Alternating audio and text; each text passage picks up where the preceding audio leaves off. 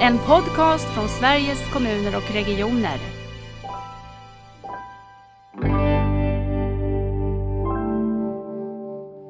Det är nu vi kommer lyckas med det här. Och det är ganska häftigt att få vara med på resan, men det handlar enormt mycket om kommunikation. Säga det att, att eh, vårt, vårt viktigaste mål är att vi ska jobba bort behovet av oss själva.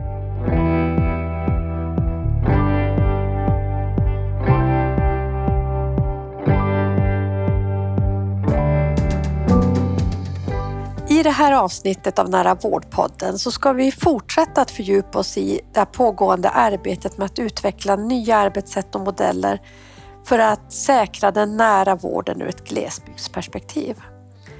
Det är fyra modellområden med 15 kommuner och fyra regioner som regeringen har beviljat medel för att arbeta med det här. Och dagens gäster det är Greta Sköld från Region Norrbotten och Isabelle Danielsson Semren från Region Västerbotten. Välkomna till podden! Tackar. Tack. Ni får som vanligt i den här podden börja berätta lite mer om er själva. Greta, berätta. Vem är du? Eh, Vem är jag? Just nu jobbar jag på någonting som kallas utvecklingskansli i Region Norrbotten.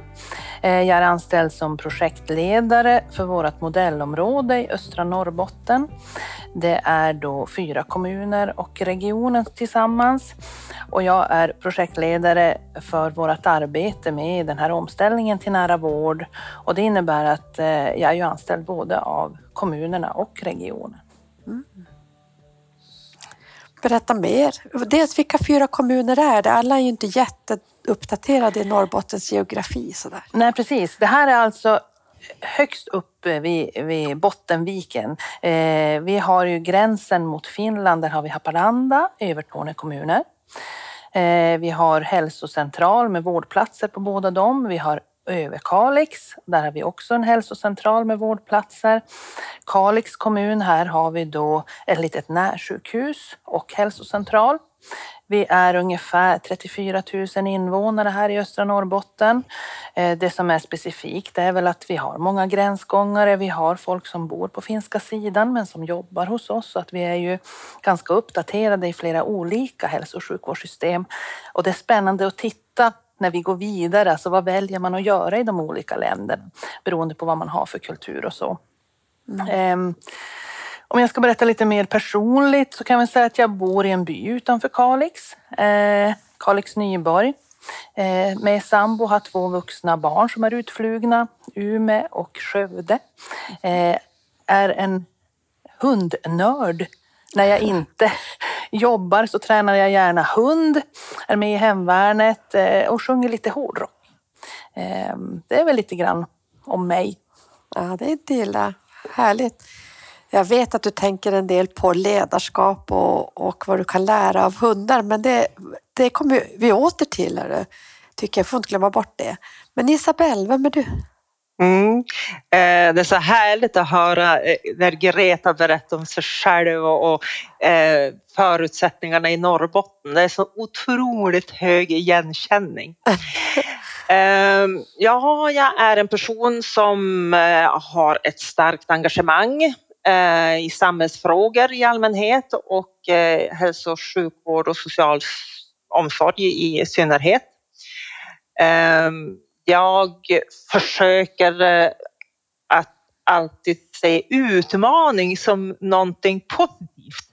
Mm. Eh, och det gör att i mitt uppdrag så försöker jag då fokusera på möjligheter eh, och även fokusera på de resurser som faktiskt finns utifrån våra förutsättningar. Ja. Eh, jag är född och uppvuxen i en liten by i södra Lappland. Och eh, jag bor idag i Lycksele, eh, en lagom stor ort i södra Lappland, ganska centralt. Eh, Jag tillbringar även en stor del av min fritid i våran stuga Mhm. som ligger i fjällen ovanför Hemavan. Eh, Jag har jobbat hela mitt liv inom hälso och sjukvård och jag började mitt första chefsuppdrag, eh, nu i januari är det faktiskt 25 år sedan, Eh, och sen har jag då jobbat som, som chef på olika nivåer och jag har gjort, jag har gjort det i Västerbotten då och i södra Lappland hela tiden. Och sen två år så är jag då områdeschef för eh, närsjukvård södra Lappland och ingår då även i eh, hälso och sjukvårdens eh, eller hälso och sjukvårdsledningen i Region Västerbotten. Eh, närsjukvårdsområde södra Lappland är ju mitt huvuduppdrag då och där har vi då primärvården. Eh, jag har medicinskt centrum inne på sjukhusen, sjukhuset och även då vuxenpsykiatri. Så det är kort om mig. Oj, vad spännande. Vad, vad, du är där i Hemavan på din fritid, du pratar om ledarskap. Mm. Jag tänker vi måste ta det här med hundledning och ledarskap mm. samtidigt så vi inte glömmer det. Mm. Men Greta, eh, led, att leda, eh, leda med hundar och så, vad har mm. det lärt dig om ledarskap? Ja, men jättemycket. Framför allt det här att hunden, du får ju direkt kvitto om du har ställt rätt fråga till hunden. Um, Alltså hunden agerar ju utifrån vad den får belöning för eller vad den, vad den upplever att jag vill att den ska göra. Och det är inte så jätte, jättelångt till det här med organisation, ledarskap. Vad är det egentligen vi vill? Därför att jag upplever i väldigt stor utsträckning att det finns inte någon i hälso och sjukvården och omsorgen som inte gör sitt allra bästa. Alla gör sitt absolut allra bästa, såklart. Men hur många gånger har vi satt ner Hur vill vi att det ska mm. gå? Alltså just det här att, att man tar tag i och gör medvetna val så att vi kommer vidare och det är väl det som är extremt konkret när du håller på med hund, om du tävlar med hund. du ser ju resultatet direkt. Har jag kommunicerat tillräckligt bra så att hunden gör det jag vill?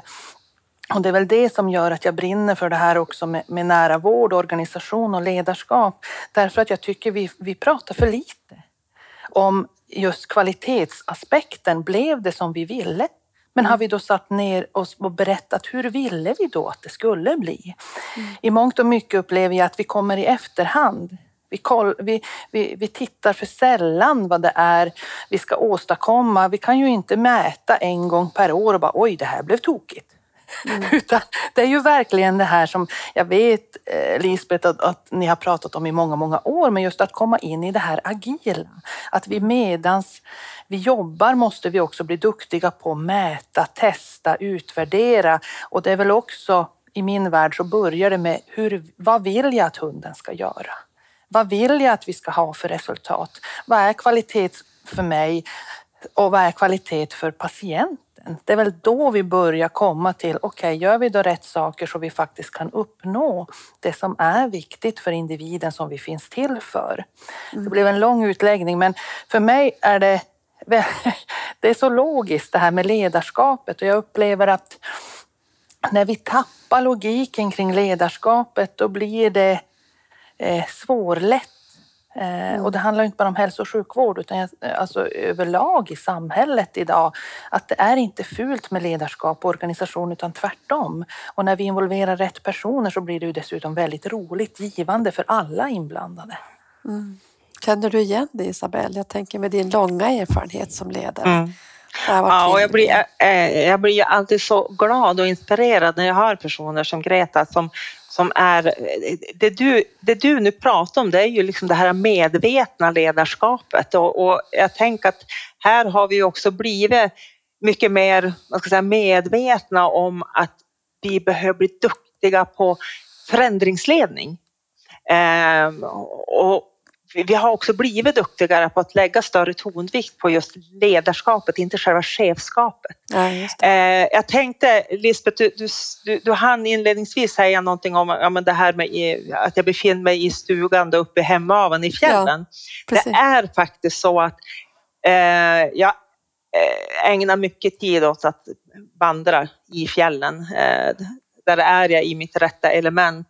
Mm. Och eh, i fjol höst när jag var på väg upp för, för en fjällstig så var det så himla tydligt för mig att det här var precis som, som eh, när man försökt driva led, alltså man har ett ledarskap för att driva mm. verksamhet framåt.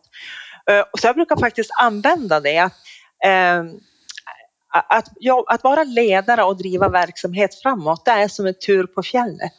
Eh, man sätter ut ett mål, alltså ett, ett mål man är på väg mot. Oftast är ju det, för min del är det ofta en fjälltopp. Eh, Men på vägen dit så måste jag liksom både liksom lyfta blicken, säkra, är jag på väg mot toppen? Samtidigt så måste jag hela tiden också stanna upp. Men, ni vet ju hur det är, mycket rötter, stenar. Ja. Sätter jag fötterna rätt? Och lite grann så är det ju också i eh, ledarskapet i förändring. Ja, vilken må- fin. Jag tänkte, Greta du tog det här med hundar och jag tog det här med en tur på fjäll. Man säger ju mycket i det här att leda med komplexitet, viktigt att ha metaforer för då har vi människor lättare att mötas kring samma bild. Så det tycker jag, tack för de metaforerna. Jag tänker Isabelle, vi kanske också ska säga vilka kommuner finns. Södra Lappland kanske inte heller är så där direkt, alla ploppar upp. Vad är det för område i Sverige? Mm.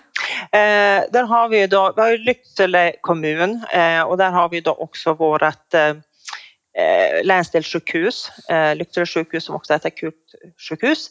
Eh, sen har vi eh, Åsele, Dorotea och eh, Vilhelmina kommun. Eh, och sen har vi Malå, Sorsele, Storuman. Och i, Storu, i, i varje kommun har man ju då även en sjukstuga, förutom i Lycksele. Där har man en vanlig hälsocentral. I Storuman har man ju dessutom två och det är kopplingen till att det är, Sto- Storuman är ju geografiskt stort. Eh, och det, det jag sa, det, jag, jag hör ju, alltså jag och Greta, vi har verkligen, eh, det är så hög igenkänning, det är ju typ samma förutsättningar, de Mm. geografiska avstånden. Eh, som, som sagt, som jag sa också, eh, som jag inte bara ser som en utmaning utan ser dem även som som är möjligt. Jag måste bara, man får bli lite personlig. Det finns Mm. sån koppling för mig också. Dels Greta, du och jag som har fått chansen att jobba ihop eh, och Mm. brinner för de här frågorna. Sen ska ni veta att för hundra år sedan när jag eh, utbildade mig till sjuksköterska så Mm. En av de bästa placeringar som jag hade under min utbildning i en för- verksamhetsförlagd, det var i Vilhelmina. Mm. Och eh, eh, känslan av att vara i det sammanhanget med sjukstugan som hade allt, det var på något sätt navet i det Mm. i lilla samhället och så. Ja. Ja. Så att jag har verkligen koppling till båda, båda områdena. Ja, härligt. Hörrni, jag tänker, det är inte säkert att alla har lyssnat på era kollegor i modellområdena Jämtland, Härjedalen och Västernorrland som släpptes under förra veckan. Och därför tänker jag att det är bra att vi också börjar med att berätta lite grann modellområden för glesbygd. Var, var har det kommit ifrån och vad är det för någonting? Är det någon av er som kan börja bara berätta lite kort bakgrund till att det här arbetet pågår? Mm. Vem vill, Eh, kör du, Greta? Jag, kan, jag kan börja faktiskt Greta. Ja. Eh, det som, ja, det, för att eh, det är lite, lite kul kan jag tycka. Det var ju nämligen så här att eh, när man gjorde den här utredningen, som Emma, eller Emma Spaks utredning, eh, så var jag på ett, vi hade en så här seminarium uppe i Storuman. Eh, jag kan tyvärr inte säga exakt vilket år det var, men det håller på att vara några år sedan. Eh, då hon då ju rapporterade, det var inför andra delbetänkandet. Och då var jag där tillsammans med eh, ett par andra representanter då här från, både från sjukhuset men även då ut från sjukstugorna. Och vi satt och lyssnade på, på det här och det som var fascinerande det var ju att vi kände ju att hmm, vi känner ju verkligen igen det här. Det hon beskrev det var ju väldigt mycket det vi kände redan fanns på plats kopplat till sjukstugemodellen. Ehm, så att det var, det var, när vi då liksom klev in i arbetet med modellområdet så gjorde ju vi det väldigt, eh, vi var så otroligt trygga i att jo men det här är någonting som faktiskt är bra. Mm. Nu var det inte så att vi klev in och lutade oss tillbaka på något sätt. Absolut inte. Eh, utan tvärtom, vi kände, vi visste att det här konceptet, det är faktiskt bra. Det fungerar. Nu ska vi bara hjälpas åt att skruva på det lite grann. Just det. Mm. Spännande. Var- För Emma var väl expert i just Anna Nergårds utredning som berättade. Jag kommer ihåg att hon Mm. eh, for till Storuman. Ja, det är intressant. Mm. Ja, men det var, nej, just det, det var, det var Anna Nergård som var ansvarig för, för, för utredningen, men Emma Spak var ju med. Mm. Ja, men precis. Så var det. Så var det. Men hör du, Greta, ge oss också mer bakgrund från ditt håll. Vad du... Mm. Ehm, det fanns ju tidigare någonting som hette glesbygdsråd. Och jag tror någonstans att man hade sett att utmaningarna i glesbygd är lite annorlunda. Eh, dels så kan vi ha sämre folkhälsa, men vi har ju en demografi och vi har de här avstånden. Hur ska man bibehålla och, och både kvalitet men framför allt att det är en, både en jämlik och jämställd vård. Så man pratade mycket, det var de fyra norrregionerna då i det här glesbygdsrådet som satt tillsammans representanter. Och, ja, men hur, hur kan vi nu göra för att få satsa? Det man såg var ju att vi låg ju så långt fram när det gällde just den demografiska utvecklingen jämfört med storstäderna. Vi var ju redan där, där det skulle ta mellan 20, 30, kanske i värsta fall 50 år innan en del av städerna kommer ikapp eh, i Sverige.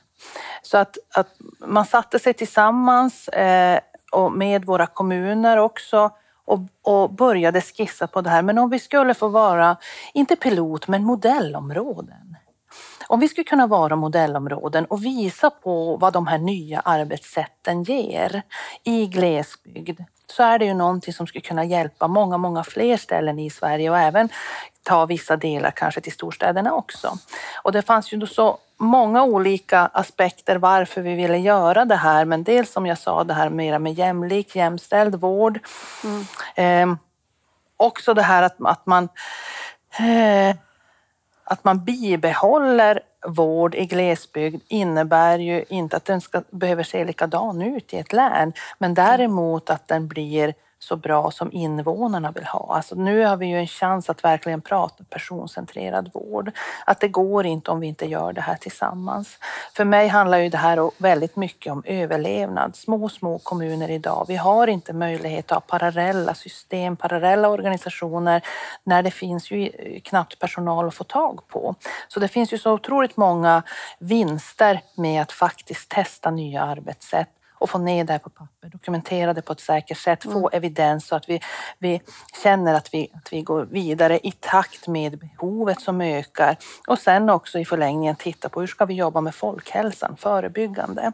Och då kastade vi in en ansökan, jag tror det redan var 2018, eh.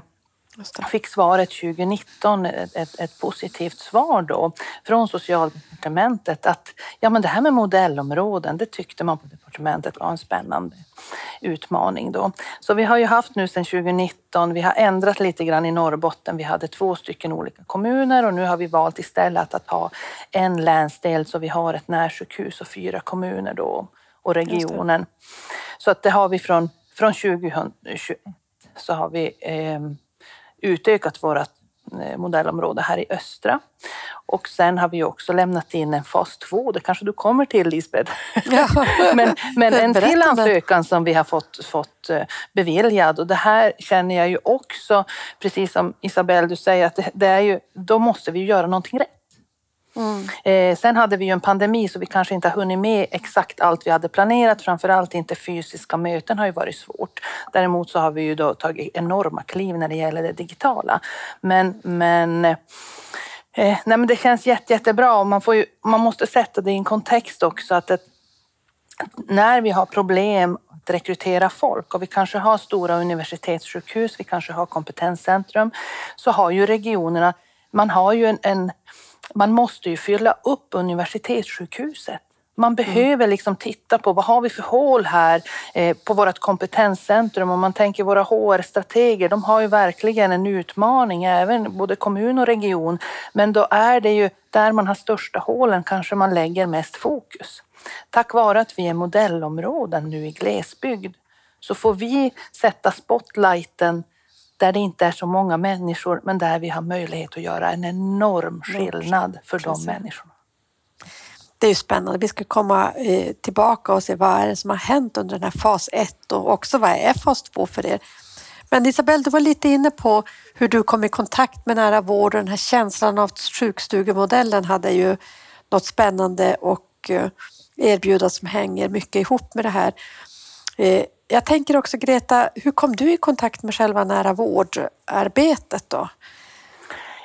det är ju lite kul, mm, för det var ju via Lisbeth Lypare Johansson. Nej, alltså, så här är det ju. När jag började jobba uttalat med nära vård, då var jag huvudkoordinator. Det var Lisbeth Lypare, som, alltså du som anställde mig. Mm. Men då hade jag jobbat några år eh, med Övertorne hälsocentral. Och mm. dåvarande chefen där, Elisabeth Ero, hade ju jobbat många år med nya arbetssätt och en av de första i Norrbotten i alla fall som jobbade med tjänstedesign via SKR och ett projekt som hette Flip gruppen. Och jag hade jobbat med Elisabeth och mera hjälpt henne att paketera. Alltså hon var ju en enorm visionär som mm. verkligen, hon såg ju hela den här samhällsomvandlingen att det här handlar inte om vad vi ska göra i vård och omsorg. Det här handlar om he hela vår överlevnad. Vad ska finnas för, på plats? Vad ska vi ha för välfärd i våra, på våra små orter för att de ska finnas kvar? Mm. Och för att vi ska ha personal och en inflyttning, inte bara avflyttning. Så att egentligen hade jag jobbat med nära vård innan vi hade, det var inte så eh, stort, alltså själva begreppet. Göran Stiernstedt hade fått sitt uppdrag men han hade inte kommit med den första utredningen. Nej, Då jobbade jag väldigt mycket egentligen med nära vård eller som en av våra eh, läkare i Övertorneå, han är ju rolig, han bara, varför måste ni säga nära vård? Det handlar ju om logiskt tänkande. mm. Så att det, det, är lite roligt. Ja, men alltså att när vi gör rätt från början eh, för alla individer och när vi lyssnar, tar vara på berättelserna, det är väl då vi kan känna att vi faktiskt gör rätt. Eh, och att det blir nära. Det tyckte jag med Övertorneå som fick gå lite nära och se ditt och Gretas och eller Elisabeths och ditt arbete Greta.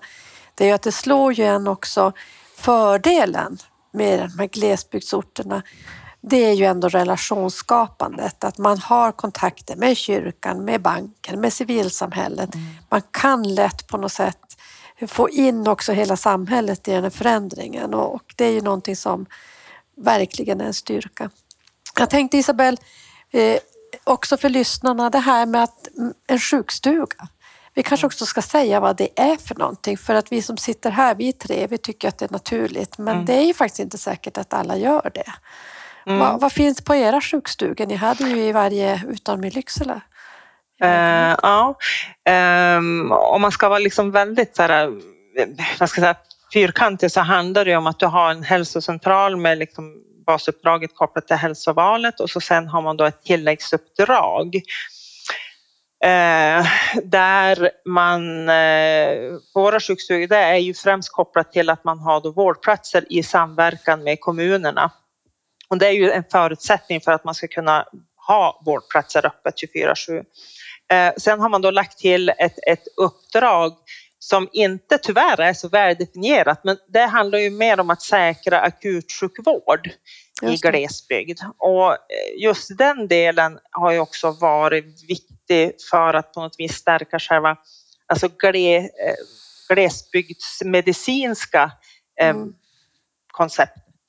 Eh, så att det är, sen är det väl så här att eh, det, det skiljer sig lite grann mellan sjukstugor. Dels så de här samverkansavtalen ser lite olika ut. Men grunden, alltså grund, grunden är densamma, det är att man ska ha en lokal samverkan för att liksom kunna använda de befintliga resurserna så kloksamt som möjligt för att mm. kunna bedriva 24-7 verksamhet. Mm. Och därför blir de ju också lite grann av förebilder när mm. nära vård så mycket handlar om samarbete och samverkan och att använda resurser på det allra bästa sättet. Ja, precis.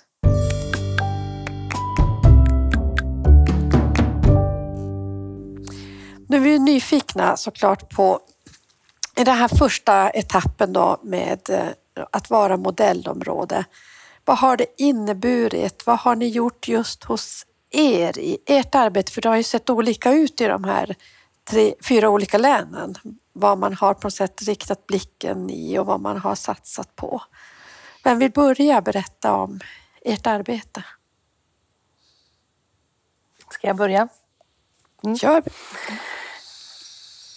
det jag tycker är som häftigt när vi börjar titta på det här, eh, jag kan väl säga att ehm, just när det gäller att få evidens, dokumentation, där har vi en del att, att göra för att bli mycket bättre och ibland kan det ja men vad, vad åstadkommer vi då? Och så ser man när man börjar gå tillbaka hur enormt mycket skillnad det gör de enkla små sakerna. Eh, exempelvis i Övertorneå där vi hade, eh, vi började med gemensamma morgonmöten, eh, kommun och region. Eh, och sen haft gemensam sjuksköterskemottagning på nattetid. Eh, kommunen valde också tacknämligt att skära geografiskt kommunen på samma sätt som vad hälsocentralen hade gjort. Och helt plötsligt så behövde man inte ha flera möten bara för att eh, regionen skar kakan på ett sätt och sen regionen, nej men det här är gul eh, zon för oss och då är det den där läkaren. Så att, att minimera de här att, att vi tappar bort kommunikation eller att, att eh, ja, vi pratar med fel personer, vi kanske dessutom dubbelarbetar.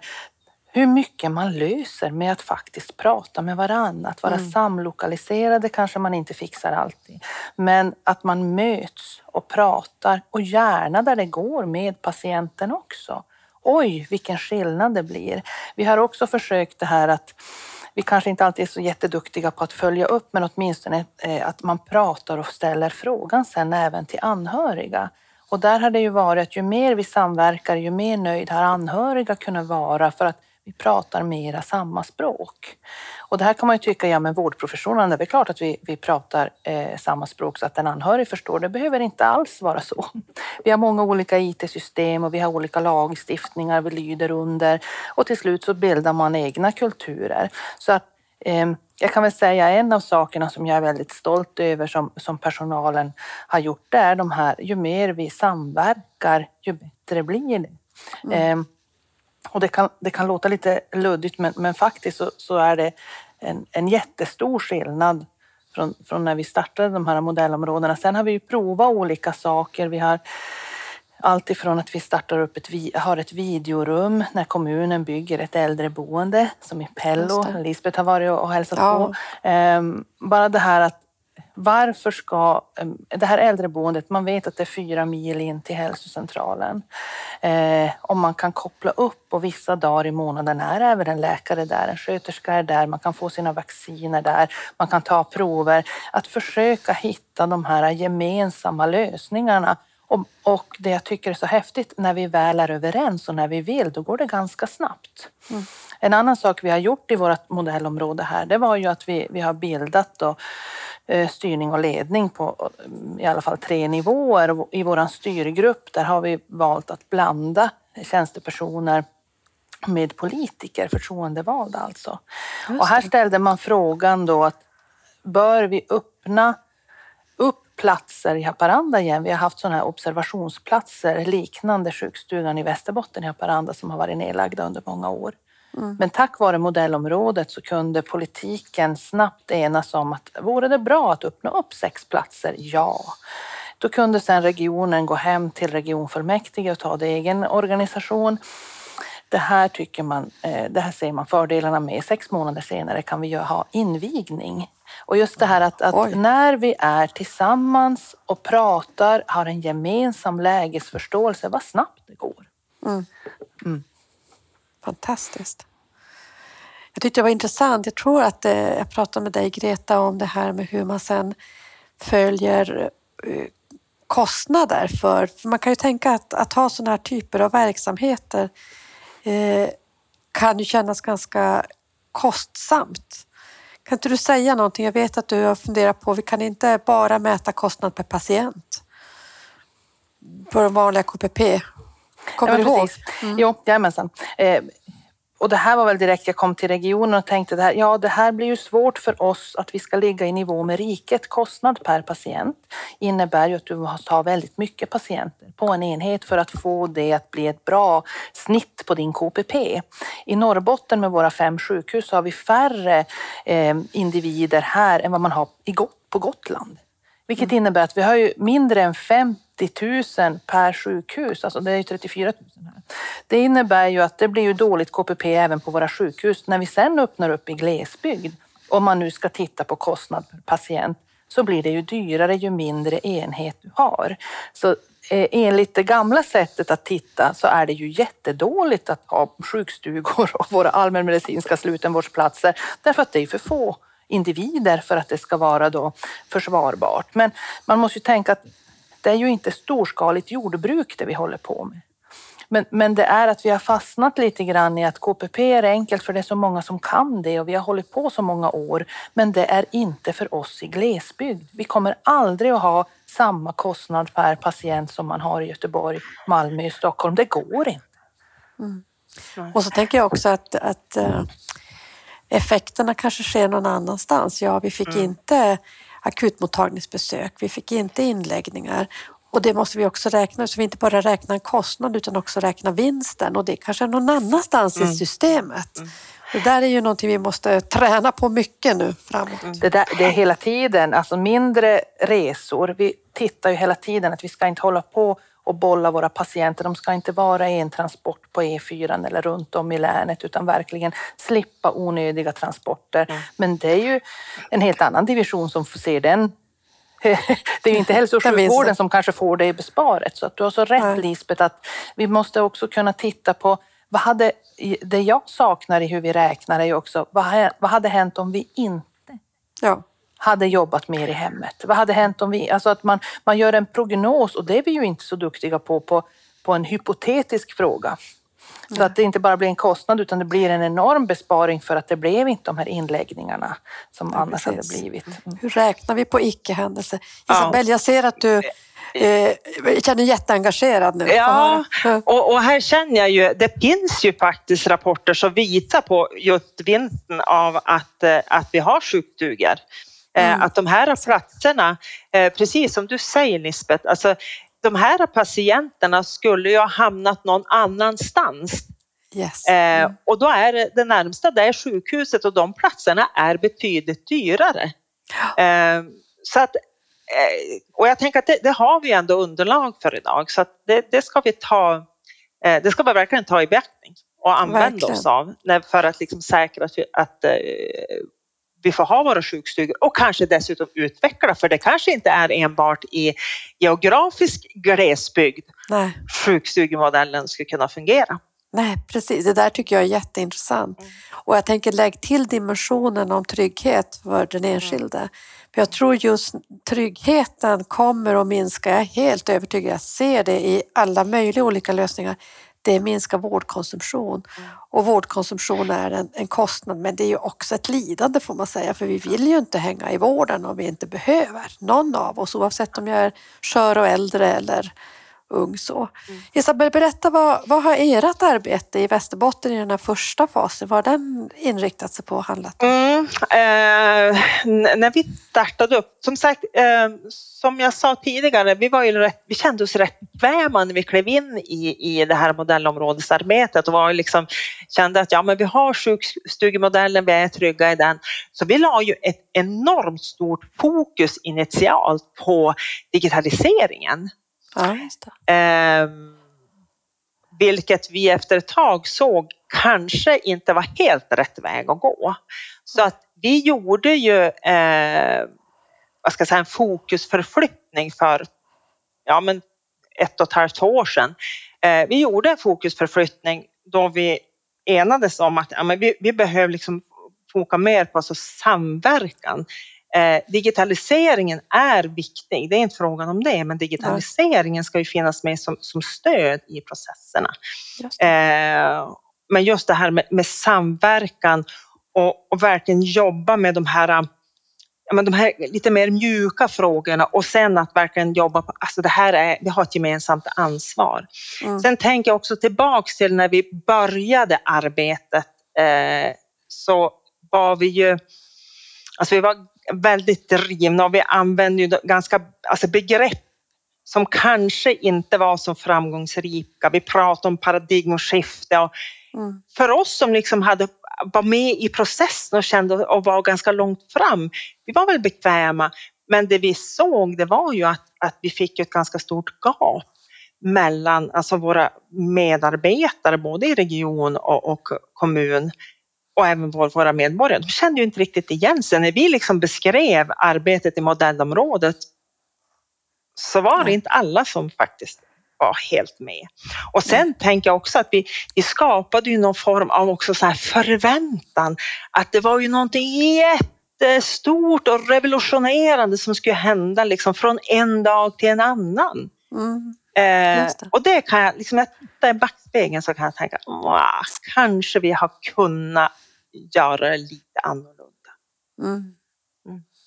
Det är intressant det där med digitaliseringen som på något sätt vadet eller som verktyget, för jag är övertygad om att det är ju verktyget. Tycker du att ni nu med er svängning ändå kan naturligt koppla in digitaliseringen? För det gäller ju att få de personer som jobbar med det här att ändå känna sig som en del av omställningen och inte de driver en annan på något sätt utveckling. Eh, Eller vad gjorde ni för lärdomar där kring? Eh, kanske inte var helt rätt väg att välja. Ja, men en vik- viktig del som jag ändå ser, det är ju att Eh, behovet måste ju identifieras inifrån. Eh, det kan ju inte vara så att liksom våra eh, drivna, framåtsyftande personer som jobbar med digitalisering, att det, det, är liksom, det är inte de som egentligen ska vara de drivande, utan det är ju vi som faktiskt finns i hälso och sjukvård och omsorg. Vi måste ju liksom bli duktigare på att formulera, liksom, liksom identifiera och formulera vad är det för typ av behov vi ser och sen i dialog med de som sitter med liksom den här tekniska kunskapen Mm. hitta då lösningar.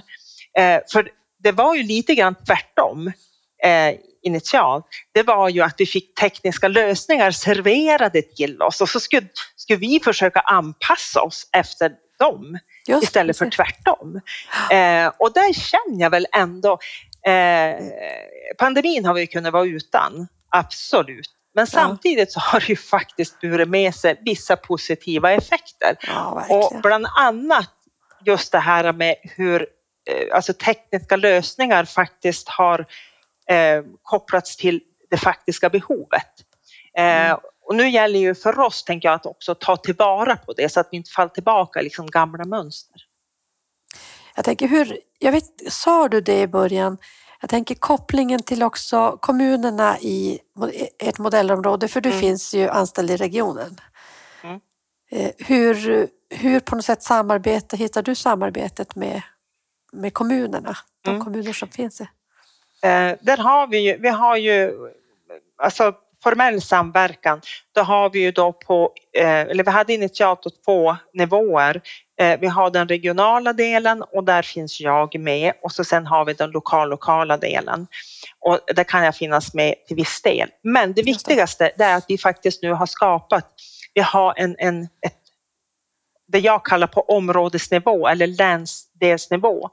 Vi hade i i modellområdet eh, en styrgrupp eh, som vi nu har skruvat till lite grann. Det är då, där sitter socialchefer, skolchefer från alla kommuner eh, och så sen jag då från, från regionen.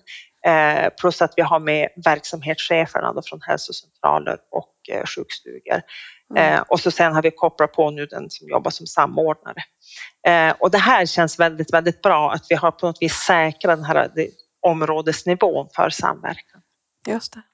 Och jag tänkte egentligen ur ett invånarperspektiv också att du var inne på digitalisering. Mm. Ja, vi kan ju inte göra det här kommunen för sig, regionen för sig och där sitter den enskilda med olika pryttlar hemma i, i sovrummet Mm. och, och olika, utan det behöver ju samarbetas kring såklart. Greta, jag vet att på tal om samverkan kommun och region att eh, ni har också gått så långt i ert arbete att ni har gemensamma sjuksköterskor. Berätta. Um, ursäkta, vad sa du? Gemensamma? Sjuksköterskor. Jaha, just det.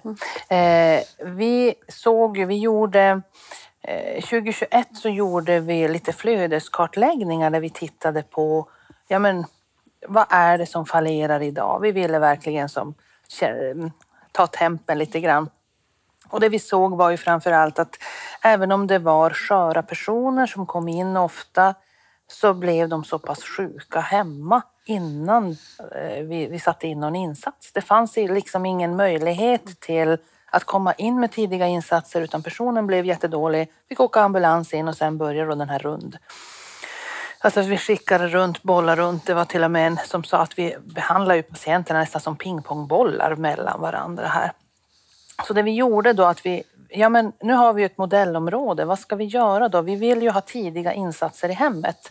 Mm. Eh, så vi eh, fick ganska snabbt ett beslut att men om vi anställer och testar två sjuksköterskor per ort som vi anställer gemensamt. Vi gjorde eh, annonser och sen har vi haft hela rekryteringsförfarandet tillsammans med region och kommun. På pappret valde vi att skriva att de är anställda hos eh, hälsocentralen enbart för mm. att det var enklare lagstiftningsmässigt vad man får göra i hemmet då.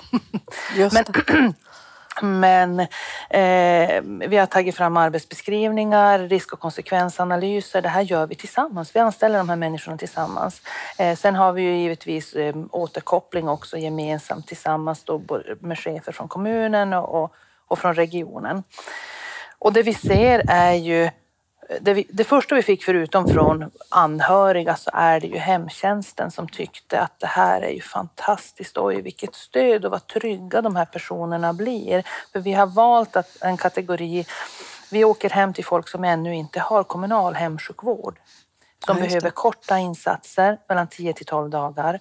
Eh, behöver man mer än 12 dagar, då bedömer vi att då är det dags för någon annan typ av planering, om det nu inte är gjort någon samordnad planering i någon SIP innan, samordnad individuell planering, eller finns det ingen vårdplan? Alltså man, man går igenom.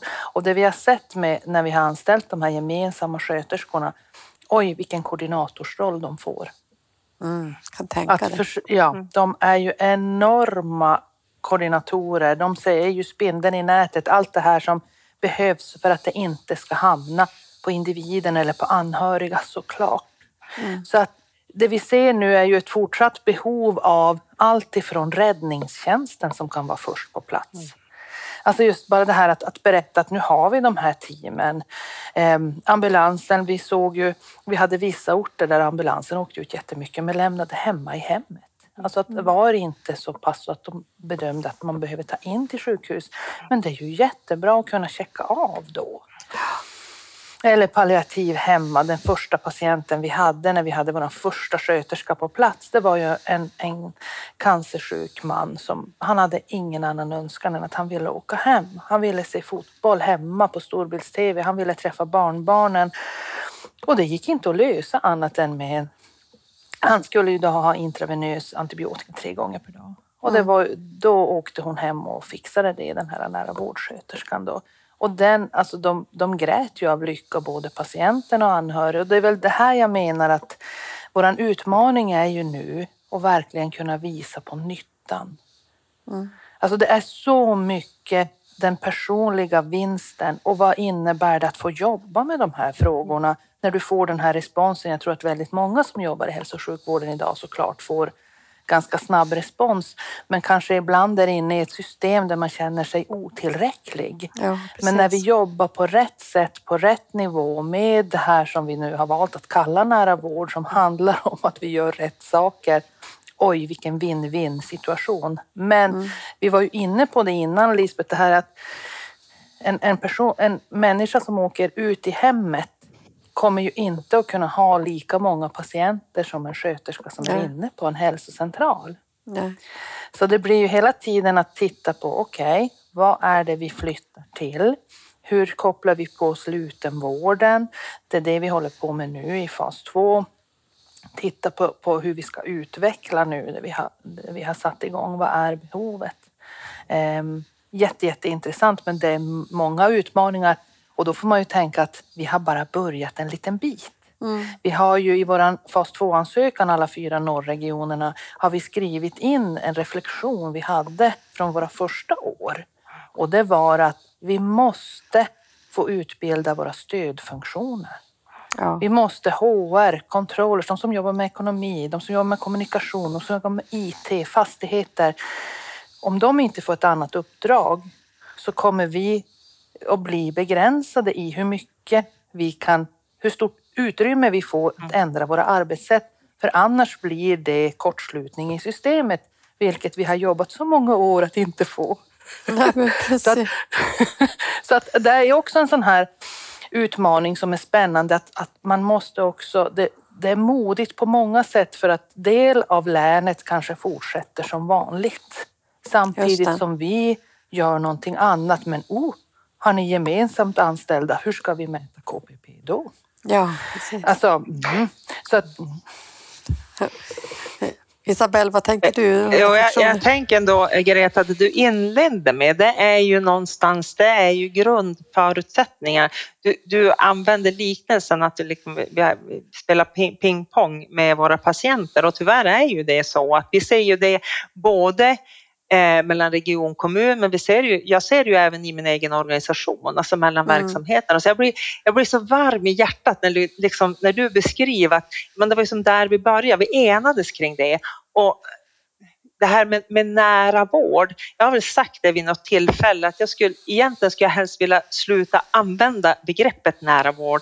För det handlar ju om det här personcentrerade arbetssättet. Det är ju det Mm. som är liksom grejen. Det är ju det som, som verkligen får det att hända. Så att jag tänker, Greta, det här är ju en otroligt bra, eh, eh, ett bra exempel på hur man kan få det att funka och just det här att man, man utgår från ett tydligt varför, man enas liksom kring det här grundincitamentet. Så, ja, härligt att höra.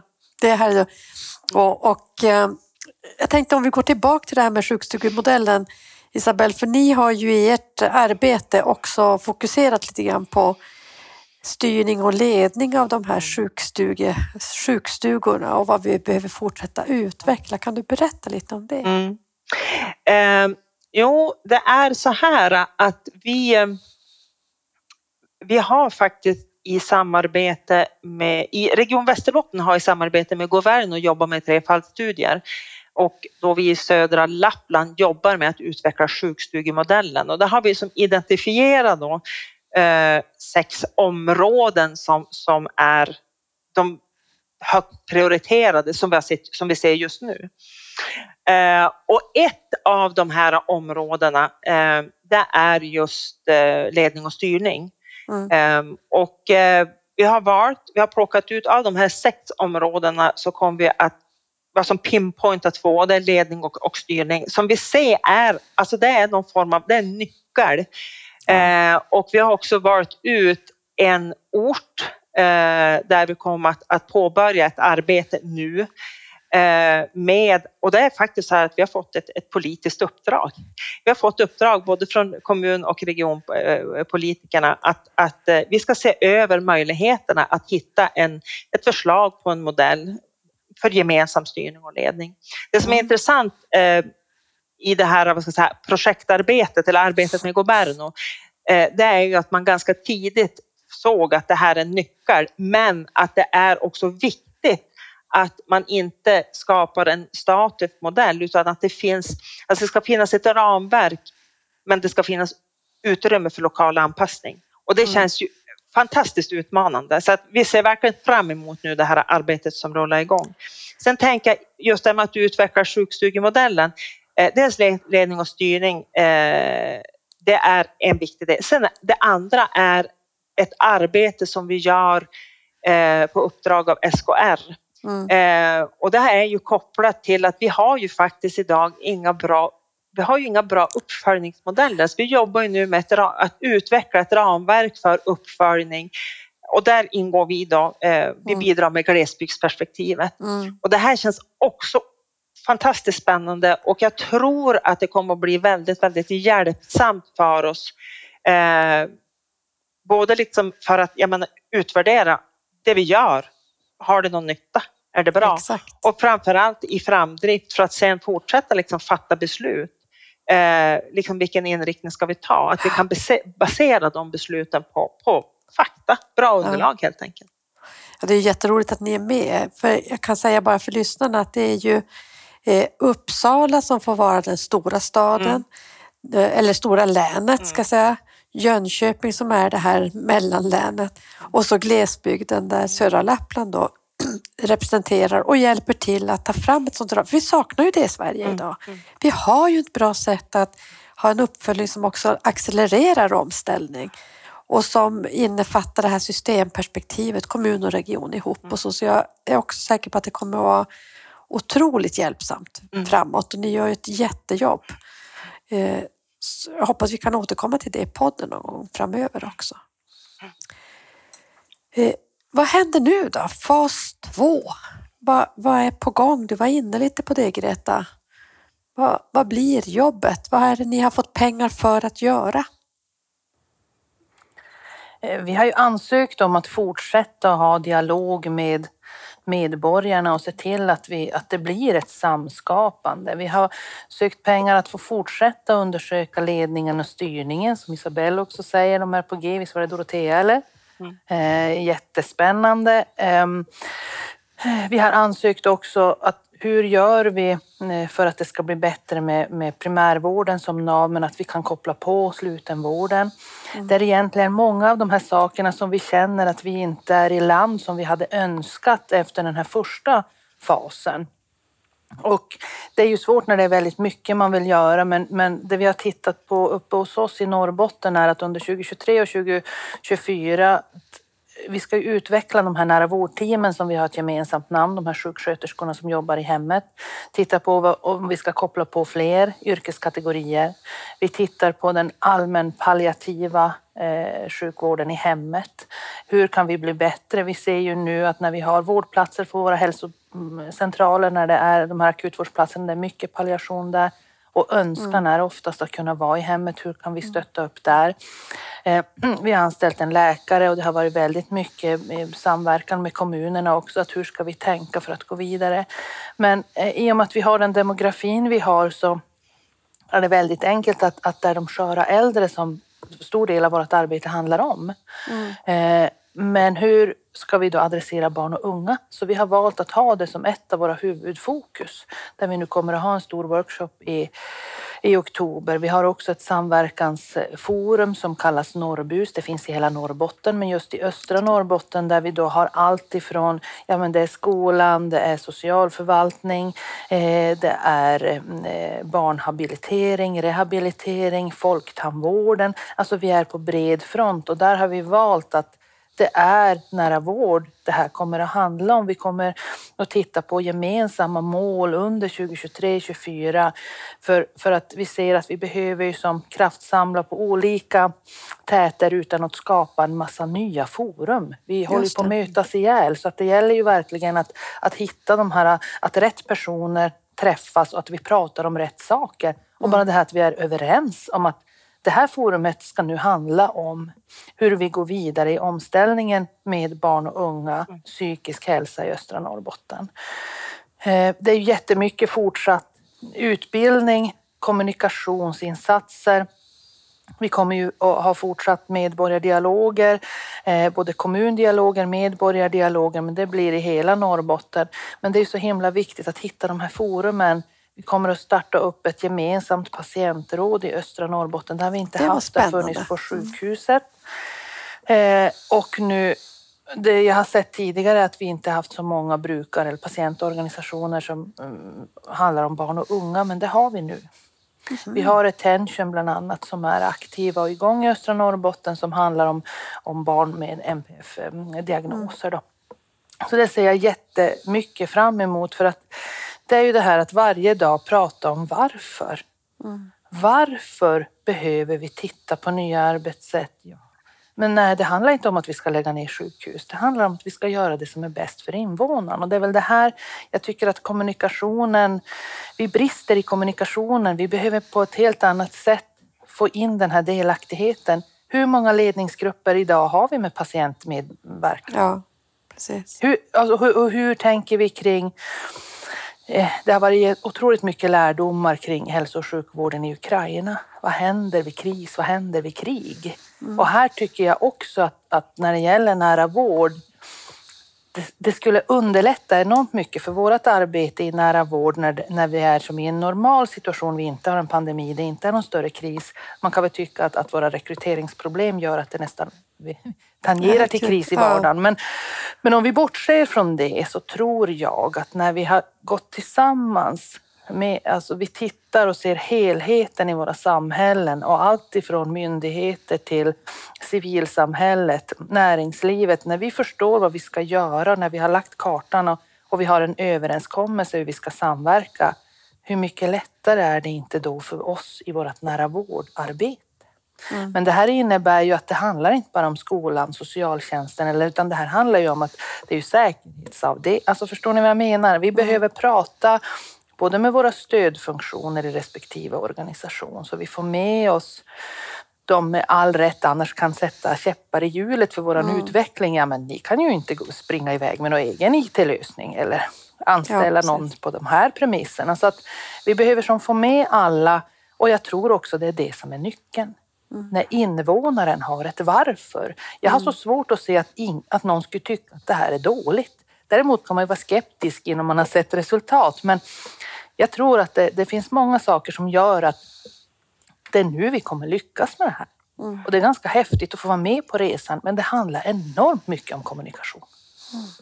Ja, det är verkligen häftigt att få vara med på resan och jag håller helt med. Det är klart vi kommer att lyckas, men mm kommunikationen från alla håll är ju viktigt att vi bär oavsett vilken roll vi har i systemet. Isabelle, vad ligger på er karta för fas 2? Ehm, även här så är jag ju, då igenkännings, eh, igenkänningen är väldigt, väldigt hög eh, och, jag tänker, jag ska bara bekräfta det du säger Greta. Ehm, du, du, du säger vid ett par tillfällen, du upprepar att du behöver jobba med, det, med varför. Uh, och jag ser väl just det här medborgardialog, men faktiskt inte bara medborgardialogen, även vi behöver också få ett tydligt varför inhouse. Alltså våra mm. medarbetare måste också känna att den här förändringen som vi ändå faktiskt nu, nu gör, alltså förändrade arbetssätt, både förändrade arbetssätt och förhållningssätt, eh, vi gör det inte bara för att, utan det finns ett tydligt, tydligt varför. Eh, så där, där tänker jag, där Greta, där, där, eh, där hakar jag på. Eh, sen tänker jag också, förutom Eh, det här med kommunikation så känner jag att vi behöver också på något vis bli duktigare på att fånga upp alltså de goda exemplen där, där saker faktiskt fungerar. Kanske inte bara i vårt eget område, vår egen region utan omvärldsspana lite grann. Eh, jag säger att vi behöver i alla fall bli duktigare mm. på det. Eh, sen en, den säga, viktigaste. Jag pratade tidigare om fokusförflyttning. Eh, jag har sagt så här att nu går vi in i, vi behöver liksom skruva ytterligare och det är, du är inne på det också Greta, det är att vi behöver titta, jobba mycket mer i samverkan då det gäller förebyggande proaktivt arbete och då främst med fokus barn och unga. Eh, det har absolut varit rätt att vi har lagt, lagt fokuset på jag menar, våra multisjuka, våra sköra äldre. Eh, men nu behöver vi verkligen se till att vi, vi fokuserar mer på det förebyggande. Jag har liksom försökt nu säga det att, att eh, vårt, vårt viktigaste mål är att vi ska jobba bort behovet av oss själva. Mm.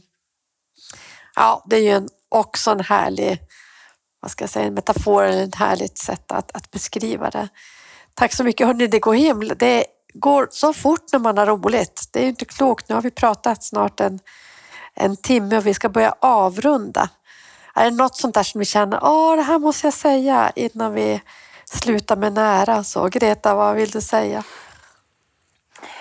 Jag skulle väl vilja skicka med, eller jag tänker det här att, att eh, jag har en bakgrund inom kommunikation och är före detta journalist. Och när jag har jobbat som kommunikatör och kommunikationschef, hur viktigt det är att det inte blir ett särintresse. Alltså det finns ingen anledning att vi tar fram en massa kommunikationsplaner utan hellre då att man, okej, okay, när man tar fram mål och syften, att hur ska det då kommuniceras?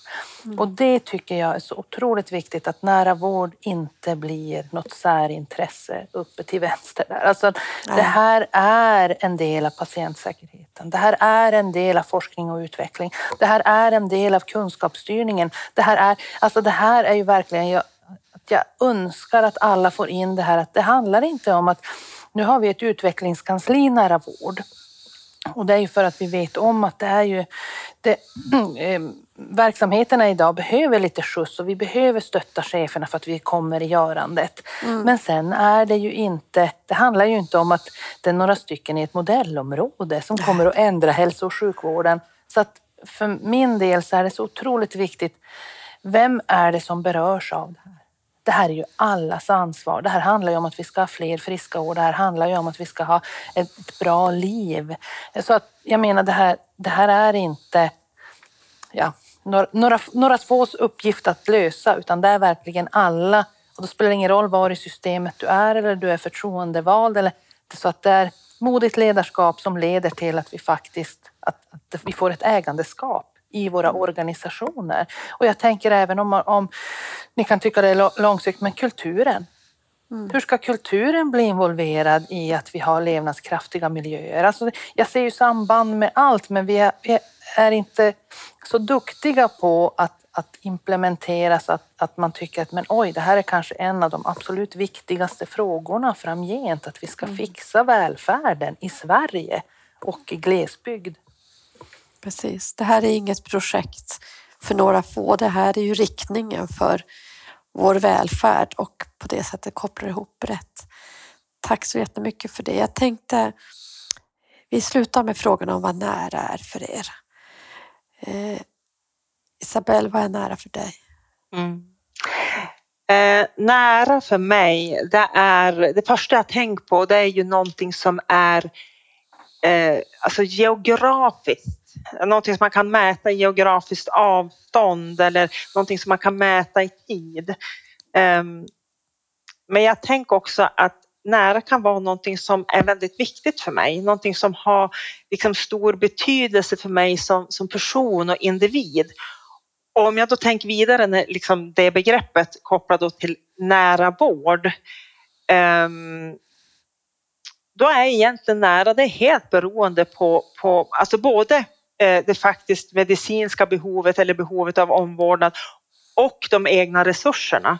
Eh, vilket ju innebär att det kan ju betyda helt olika saker för olika personer men kan faktiskt också variera för samma person mm.